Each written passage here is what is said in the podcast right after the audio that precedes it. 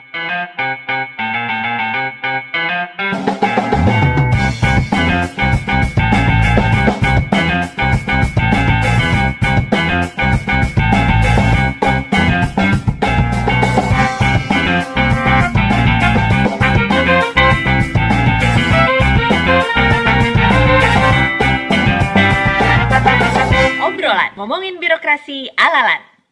Hai kawan ketemu lagi di obrolan omongin birokrasi alalan. Kali ini kita akan masuk dalam satu sesi yang spesial terkait dengan Bangkom pengembangan kompetensi ASN di bidang teknis sosial kultural.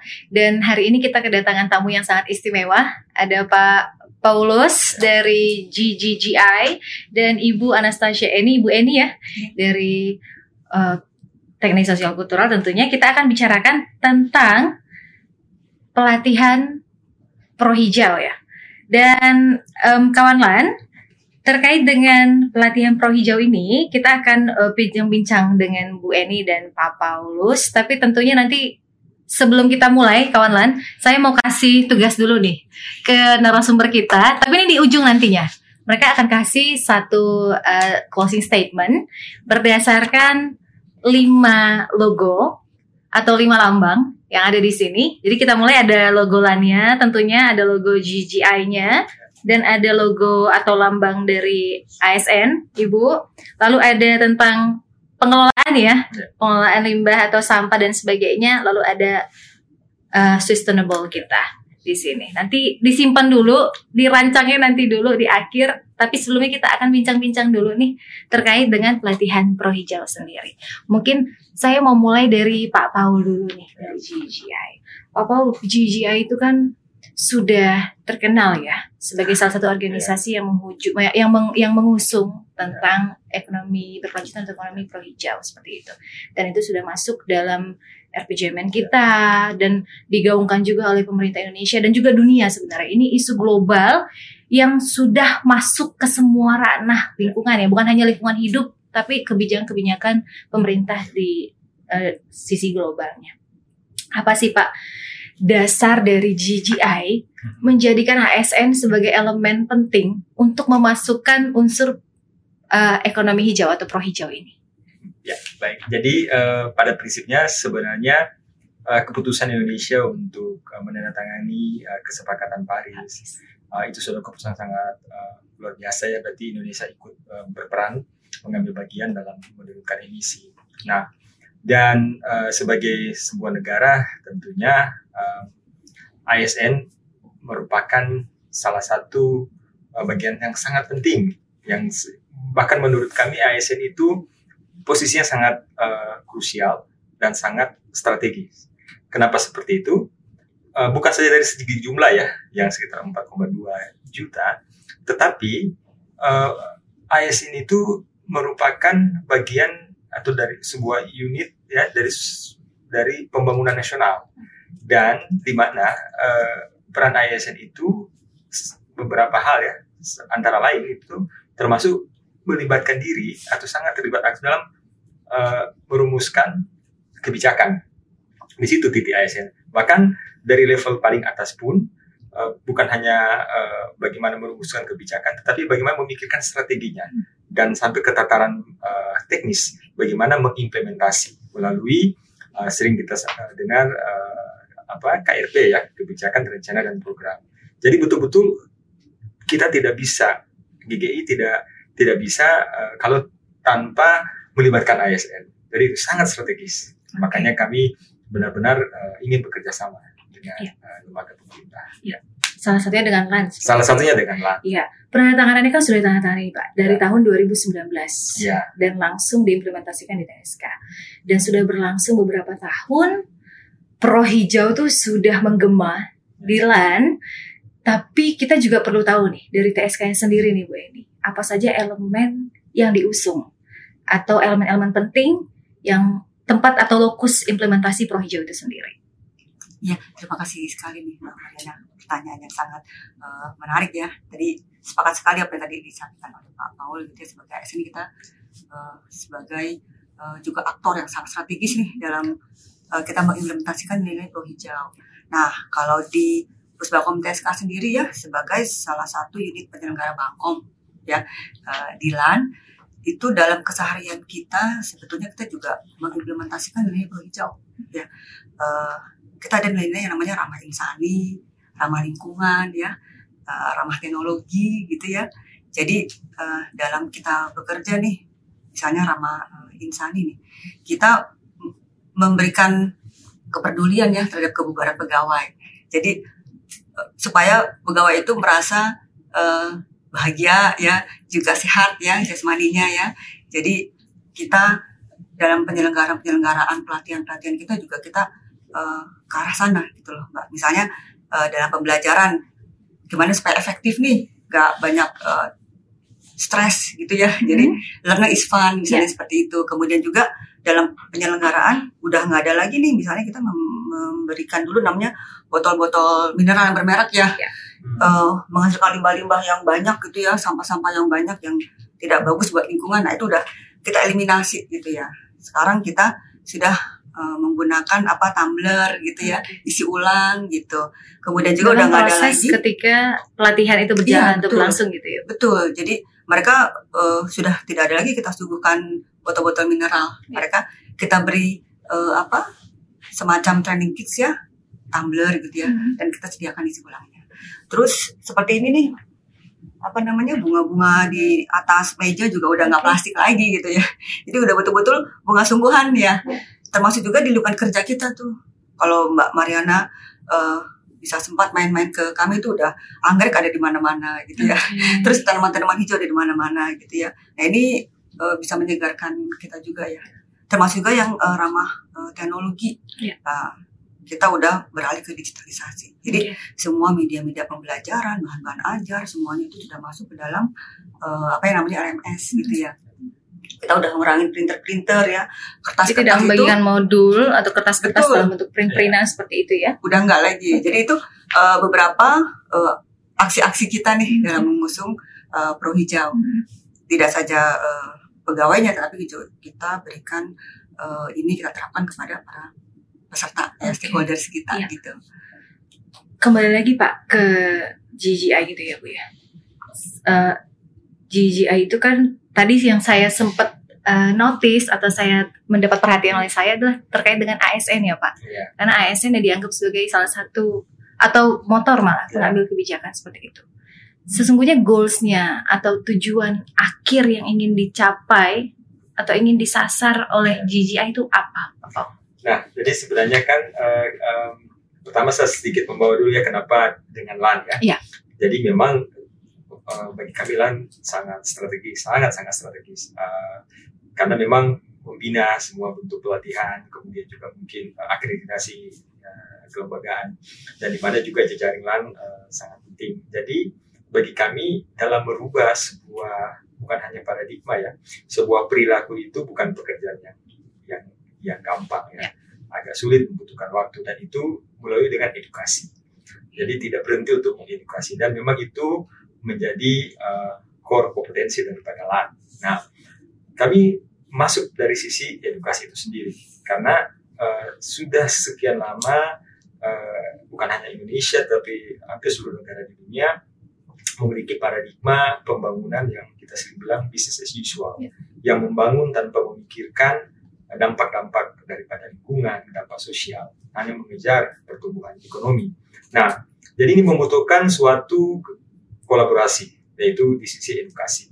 Nah, untuk itu itu itu maka um, yang akan di, yang sudah dan sementara disasar dalam uh, kolaborasi kita melalui uh, pelatihan Pro Hijau. Jadi Pro, Pro Hijau sebenarnya itu kan uh, pertumbuhan ekonomi hijau. Yeah. Ya, dalam pelatihan Pro Hijau itu adalah bagaimana melengkapi ASN ini dengan kompetensi untuk mampu uh, mengarus utamakan pertumbuhan ekonomi hijau itu dalam uh, tugas dan pekerjaannya. Setelah memiliki kompetensi, maka diharapkan dia akan mampu melakukan. Nah, tetapi kita melakukan suatu pendekatan yang sering kita uh, bilang sebagai uh, 3H ya, prinsip 3H-nya, yaitu di mana sebuah knowledge itu harus dimulai dengan uh, apa namanya head dulu. Jadi ya. disampaikan dulu, kemudian diterima dengan heart, kemudian dilakukan uh, dengan action ya, ya, dengan hand. Nah, jadi uh, umumnya kita tidak mau kalau pelatihan kita itu hanya di, di kepala aja hanya knowledge tetapi tidak berubah uh, empati tidak merubah perilaku. Nah bisa-bisa saja bisa dilakukan tetapi uh, apa uh, uh, drivernya beda ya. Kalau kalau tidak didorong benar-benar dari motivasi yang sangat kuat itu pasti akan tidak sustainable. Nah jadi itu yang kita lakukan sehingga um, apa istilahnya di sini um, yang disasar itu jadi uh, ada tiga level nanti mungkin Bu ini akan uh, berdalam ya tiga level yang kita sasar pada intinya kompetensi ini harus dimanifestasikan yeah. dalam setiap perilaku dan kehidupan sehari-hari okay. ya. alurnya itu sebenarnya sepertinya kita dengar tuh singkat ya Bu jadi dari knowledge dulu yeah. terus ke heart ke hand gitu ya sebenarnya ini satu satu alur tuh sebenarnya satu proses yang yeah. sebenarnya pendek gitu ya yeah. seharusnya gitu. Tapi dalam aplikasinya atau implementasinya Bu ini dalam proses pelatihan maupun yang sudah berjalan, kendala apa Bu yang dialami? Walaupun yeah. singkat ya perjalanannya atau dari GGI sendiri yang sudah bekerja sama dengan berbagai instansi, kementerian lembaga. Atau mungkin ke Pak Paul dulu ya dari GGI. Yeah. Apa Pak kendala yang di yang dirasakan atau yang diterima atau yang mungkin hasil pengamatan dari GGI sendiri dalam yeah. proses itu? Jadi dalam proses uh, pada umumnya ya ini juga uh, ekspertisnya lain ya dari sisi kebijakan. Kalau kami melihat uh, terlalu banyak kebijakan yang sudah kita okay, baik. banyak sekali yang baik. yang betul-betul uh, pokoknya tiap kali ada uh, apa gerakan global Indonesia yeah. mungkin yang paling depan untuk uh, bisa meratifikasi yeah. dan seterusnya. Namun nah, yang saya lihat kadangkala di tataran implementasi baik ya, actionnya ya pak actionnya ya kami berpikir apa nih yang kurangnya apa ya dan pada akhirnya kami berpikir mungkin belum tergugah. Itu drivennya okay. ini kurang kuat nah jadi makanya kami harus masuk sampai ke level empati ya karena pada saat uh, apa namanya uh, if best policy ya pasti langsung yeah. tahu benar ya konsep ini. Pada saat pembuat kebijakan dia tidak bukannya turun ke lapangan tapi tidak mengalami apa yang dialami oleh yang berada di level bawah, bawah, maka akan sangat sulit. Bagaimana dia mau merumuskan sesuatu ya. yang mungkin dia tidak mengalami, tidak pernah dialami, nah, tidak pernah melihat betul. langsung, tidak pernah mengalami langsung, tentu berpengaruh ke kebijakan yang dihasilkan betul, itu maksudnya. Nah, jadi didriven oleh itu, ya. karena mengalami sendiri. Ya. Makanya kita ada, uh, kita sering melakukan workshop ya itu namanya empathetical leadership. Ya. Kita bawa nih semua para pejabat-pejabat di lintas kementerian masuk sampai uh, ke masyarakat, tatanan yang paling bawah, paling bawah agar mereka bisa merasakan semua juga oh, kebesarannya. Okay. Dan masyarakat tidak tahu mereka itu siapa. Mereka berinteraksi, uh, yeah. bahkan mendapatkan ada begitu banyak uh, hal di lapangan. Dan ini akan menjadi input buat buat mereka. Jadi di situ. Jadi saya pikir ini sangat penting yeah. untuk untuk saat ini dan ke depan. Bagaimana harus benar-benar merasakan itu. Betul. Ya. Jadi harus sampai down to earth gitu ya yeah. anak muda sekarang gitu yeah. ya Pak. Jadi pembuat yeah. kebijakan tuh harus down to earth dulu, merasakan apa yang di level bawah, baru yeah. bisa mengambil kebijakan yeah. atau merumuskan iya. kebijakan yeah. yang pro juga ke arah situ gitu ya. dia sudah melihat. Iya, betul betul. Betul. Kalau dari Bu Eni, dari nah, LAN sisi LAN sendiri. Iya, betul. Uh, ini memang pelatihan uh, pro hijau ini merupakan satu pelatihan yang kolaborasi yang sangat baik ya dengan GGGI yeah. kerjasama yang sangat baik gitu ya dan persiapannya itu nggak main-main sejak yeah. berapa tahun yang lalu ya yeah. 2000 mungkin 17 atau 2018 yeah. dimulai dia menyusun kurikulum gitu ya nah uh, sampai dengan ada peraturan kepala ya 2019 itu terjadi akan implementasikan tetapi sayangnya ada pandemi ya yeah. jadi mundur nih sampai 2022 tapi uh, dari sisi uh, desain kurikulumnya tuh ya Mbak Mariana dari pelatihan ini, dia memang luar biasa gitu ya. Uh, karena memang pada saat uh, disusun itu menghadirkan pakar-pakar uh, yang betul-betul tahu betul ya soal uh, pro hijau, yang tahu betul soal isu global dan sebagainya gitu ya.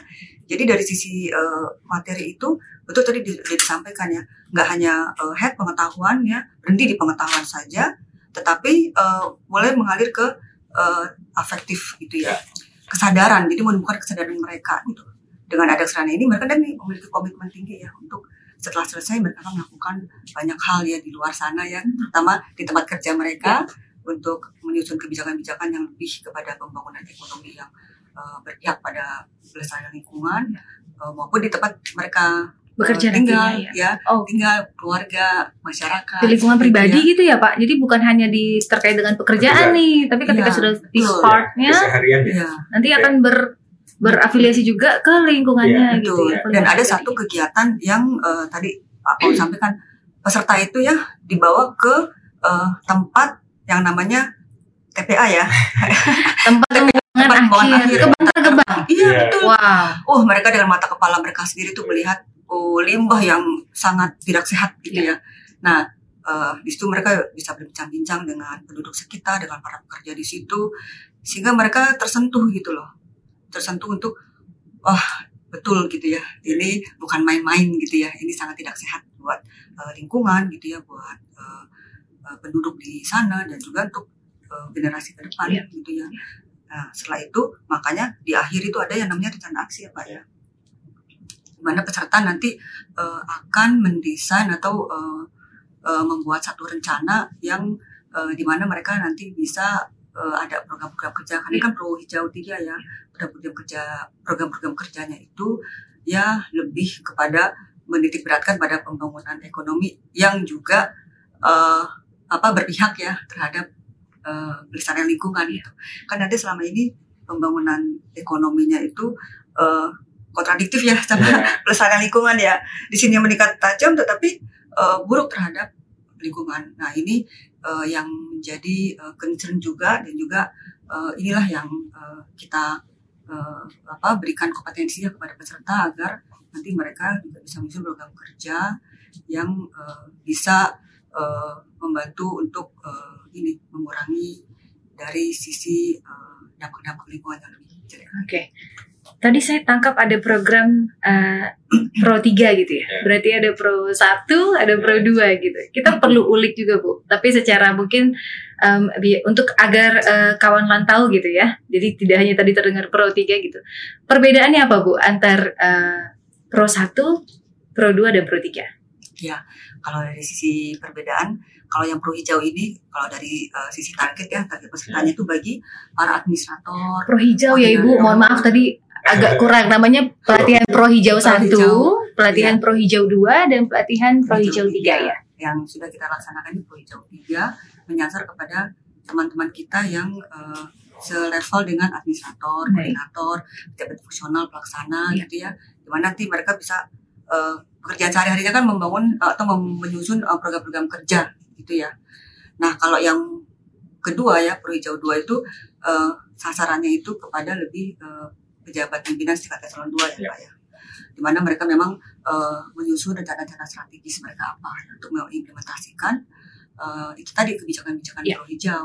Dan kalau yang level satu ya, yang Pro Hijau satu itu lebih menyasar kepada pejabat-pejabat tinggi yang singkat eselon satu ya, di mana mereka uh, karena mereka yang paling pucuk ya jadi uh, mereka harus memiliki komitmen yang tinggi ya sehingga akan lebih mudah nih nanti turun ke bawahnya nih uh, mengimplementasikan apa namanya uh, rencana aksi rencana aksi. tadi itu jadi uh, bedanya di situ nanti mereka yang akan menyusun kebijakan-kebijakan seperti apa Baik. dan memiliki komitmen yang uh, tinggi nih ya. sehingga mereka bisa menggerakkan ini yang di bawah level bawahnya gitu, gitu ya. terkait dengan rencana aksi itu Pak Pong saya tangkap rencana aksinya rencana aksi itu sudah ada, tapi dari GGI sendiri target apa Pak yang ingin dicapai? Ya, jadi kalau saya kembali lagi ke GGI juga kita memang betul result based, tapi proses itu juga kami sangat ya. uh, hargai ya. Jadi tadi Bu ini bilang lama ya dalam menggodok dan memang itu merupakan hal yang perlu kita lakukan. Bagaimana uh, para penulis, para uh, WI akan mengajarkan atau akan menulis uh, uh, bahan ajar uh, juga harus terlibat dalam tanda kutip proses tadi yeah. supaya benar-benar benar uh, apa uh, kurikulum yang dibuat itu betul-betul uh, bukan hanya mengejar waktu target tapi dialami juga jadi makanya itu harus on the one page semua pada waktu itu jadi 2017 Kapolri itu lebih banyak uh, itu sebenarnya uh, apa readiness-nya ya dari bagaimana menyiapkan hmm. belum betul-betul bayangkan kurikulum dua tahun gitu kalau iya. jadi oh. karena betul-betul dilengkapi semua dulu jadi ada begitu banyak yang kita lakukan untuk dilengkapi tulis bukan hanya dari sisi teknisnya substansi ya. tapi yang tadi itu bagaimana membuka empatinya itu ya. jadi suatu jadi betul-betul komprehensif nah kemudian setelah itu tadi juga uh, di saat uh, terjadi pandemi ini betul-betul suatu uh, momentum bagi kami sebenarnya walaupun terlambat dalam peluncuran tapi itu suatu sebenarnya membuktikan bahwa itu kan pertumbuhan ekonomi itu penting di saat terjadi pandemi, pandemi kita nggak iya. bisa berbuat apa-apa ya. Nah makanya kami seringnya saya juga berpikir ini merupakan suatu uh, klimaks ya pandemi itu dari kerusakan alam ya karena sudah seperti itu akhirnya mungkin terjadi uh, apa namanya dalam rantai makanan ya sehingga terjadi putus uh, supply segala sehingga Iya. muncul penyakit-penyakit baru Iya. karena uh, apa namanya kebijakan yang salah mungkin dalam uh, apa, uh, pembangunan blessing in Iya. disguise gitu ya Pak ya. Iya. Jadi ini momentum, momentum untuk menunjukkan bahwa betul-betul dunia ini Iya. Indonesia butuh uh, pro hijau kemudian juga uh, apa kesempatan juga untuk kita uh, berjalan bersama dan kembali ke pertanyaan tadi uh, apa yang diharapkan dari rencana aksi yang Iya. dilakukan nah tentunya uh, itu yang kami harapkan itu bukan hanya di atas kertas ya Uh, kita akan mungkin dari LAN sendiri sudah tentu saja Pak Pro Hijau kan memang tidak bisa hanya di atas kertas. Jadi dari peserta yang lalu ya dari berbagai macam kementerian itu sudah melakukan uh, banyak ya rencana aksi. Mungkin tinggal kita monitor sampai sejauh mana yang uh, apa, sudah mereka lakukan sampai saat ini. Nah, dan pesertanya juga sangat uh, senang ya Antusias. ya, antusias senang gitu ya testimoninya juga bagus-bagus ini satu pelatihan yang luar biasa ya bagus buat mereka gitu ya Eh, ya mereka mungkin jadi tahu gitu wah ternyata sudah segini parahnya gitu ya Pelatihan yang ini. yang berbeda gitu seperti Iya, itu, iya, yang iya. bawa nafas yang baru seperti Iya. itu. betul Tadi karena Pak mereka mengalami sendiri gitu kan melihat Oke. sendiri terjadi. langsung terjadi. Pak Paul tadi ada eh, GGI juga memonitoring seperti itu. Apa Iya. langkah-langkah monitor yang diambil oleh GGI untuk monitoring seluruh alumni-alumninya atau peserta-peserta pelatihan Pro Hijau? ya, yang pasti kami uh, itu dari dari sisi sistem uh, tetap uh, merujuk apa yang Kepada LAN dilakukan- lagi. ke, ke LAN lagi Iya. karena itu kan menjadi copyright jalan Baik. buat kurikulum yang dibuat jadi kami mengikuti uh, juga sistem yang berlaku uh, seperti itu. Nah, cuman kalau dari uh, sisi secara umum di GGGI ya kita memang ada uh, monitoring and evaluation, kita ada miri spesialis yang bukan hanya uh, ke capacity building yang dimonitor tapi juga ke semua program-program dengan kementerian yang lain. Jadi semua itu uh, uh, diukur ya uh, benar-benar ada indikatornya sehingga kita bisa uh, mengetahui sampai sejauh mana uh, apa program kegiatan yang sudah kita lakukan. Wah, jadi tertarik juga nih ya. Seperti bagaimana pelatihan Pro Hijau itu sendiri peserta. gitu ya, ya pasti. Dan eh, Bu Eni, ini kan sudah berlangsung tahun 2022, Iya. yang tadinya sempat berhenti karena Iya. atau di, di dibekukan sementara gitu Iya. istilahnya ya karena pandemi. Dan itu sudah ada alumninya, Bu Eni.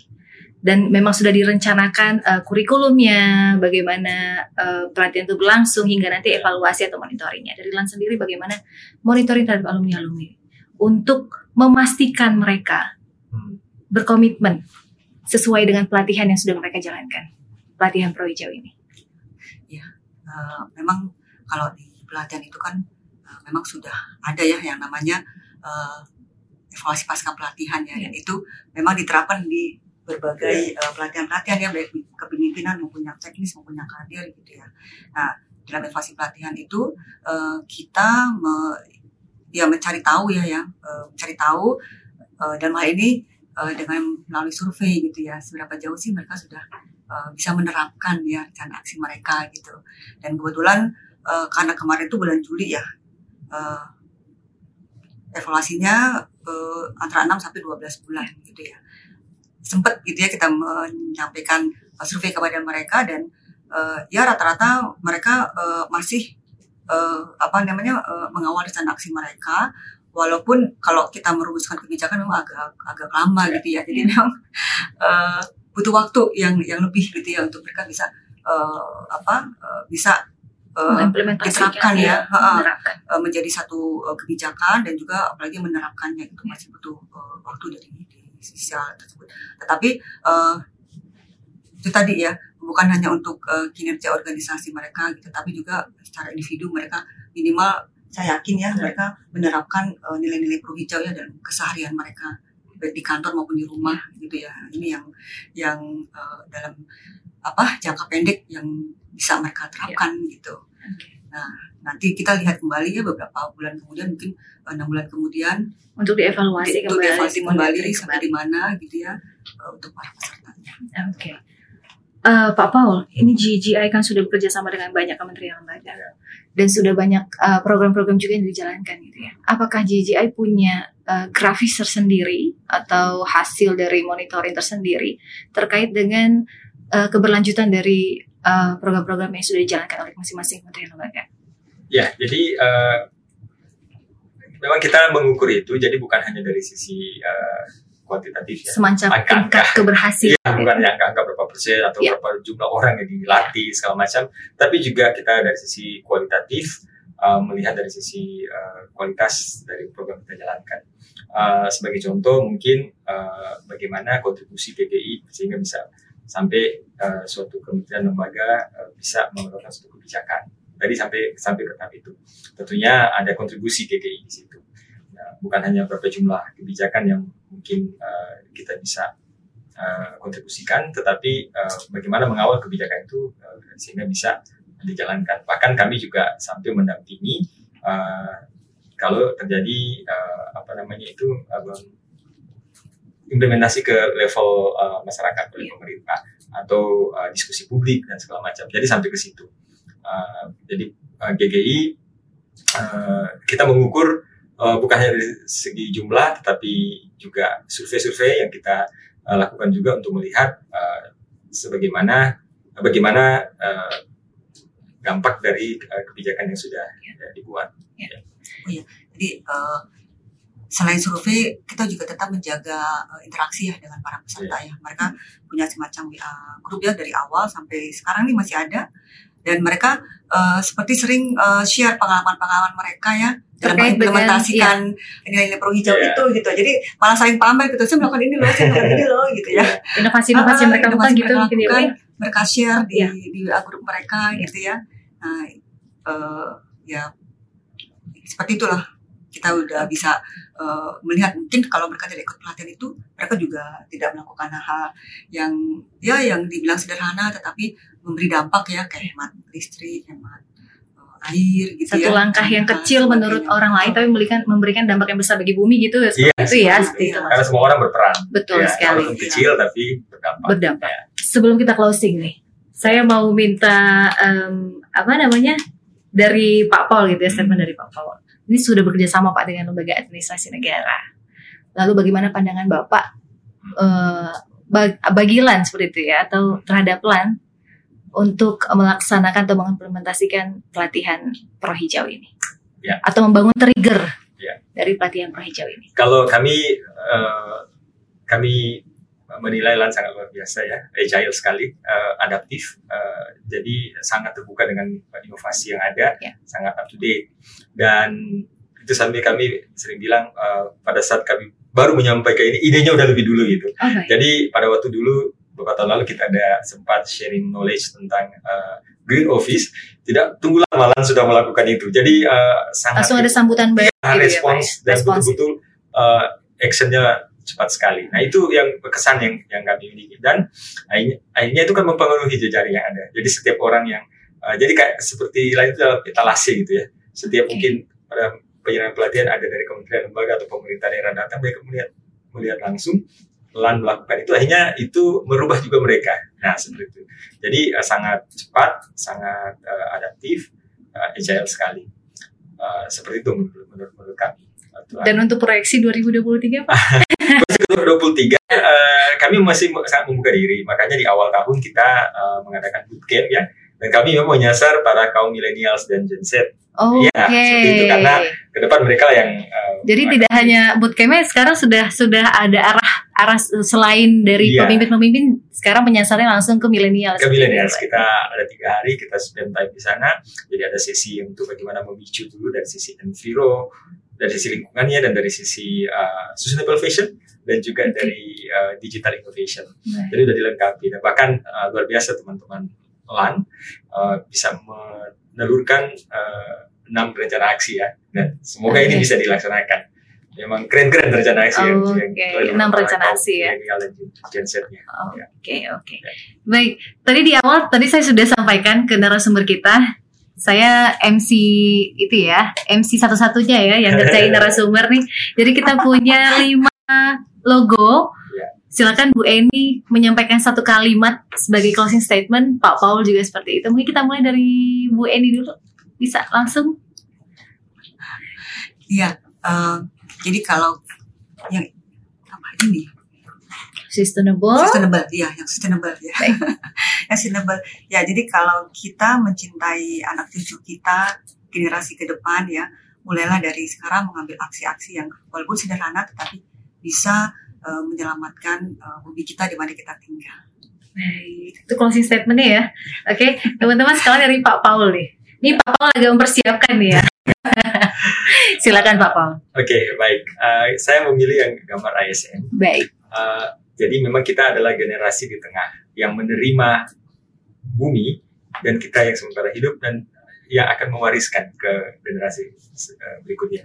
Jadi para ASN uh, kita memiliki peran menulis sejarah okay. mulai saat ini.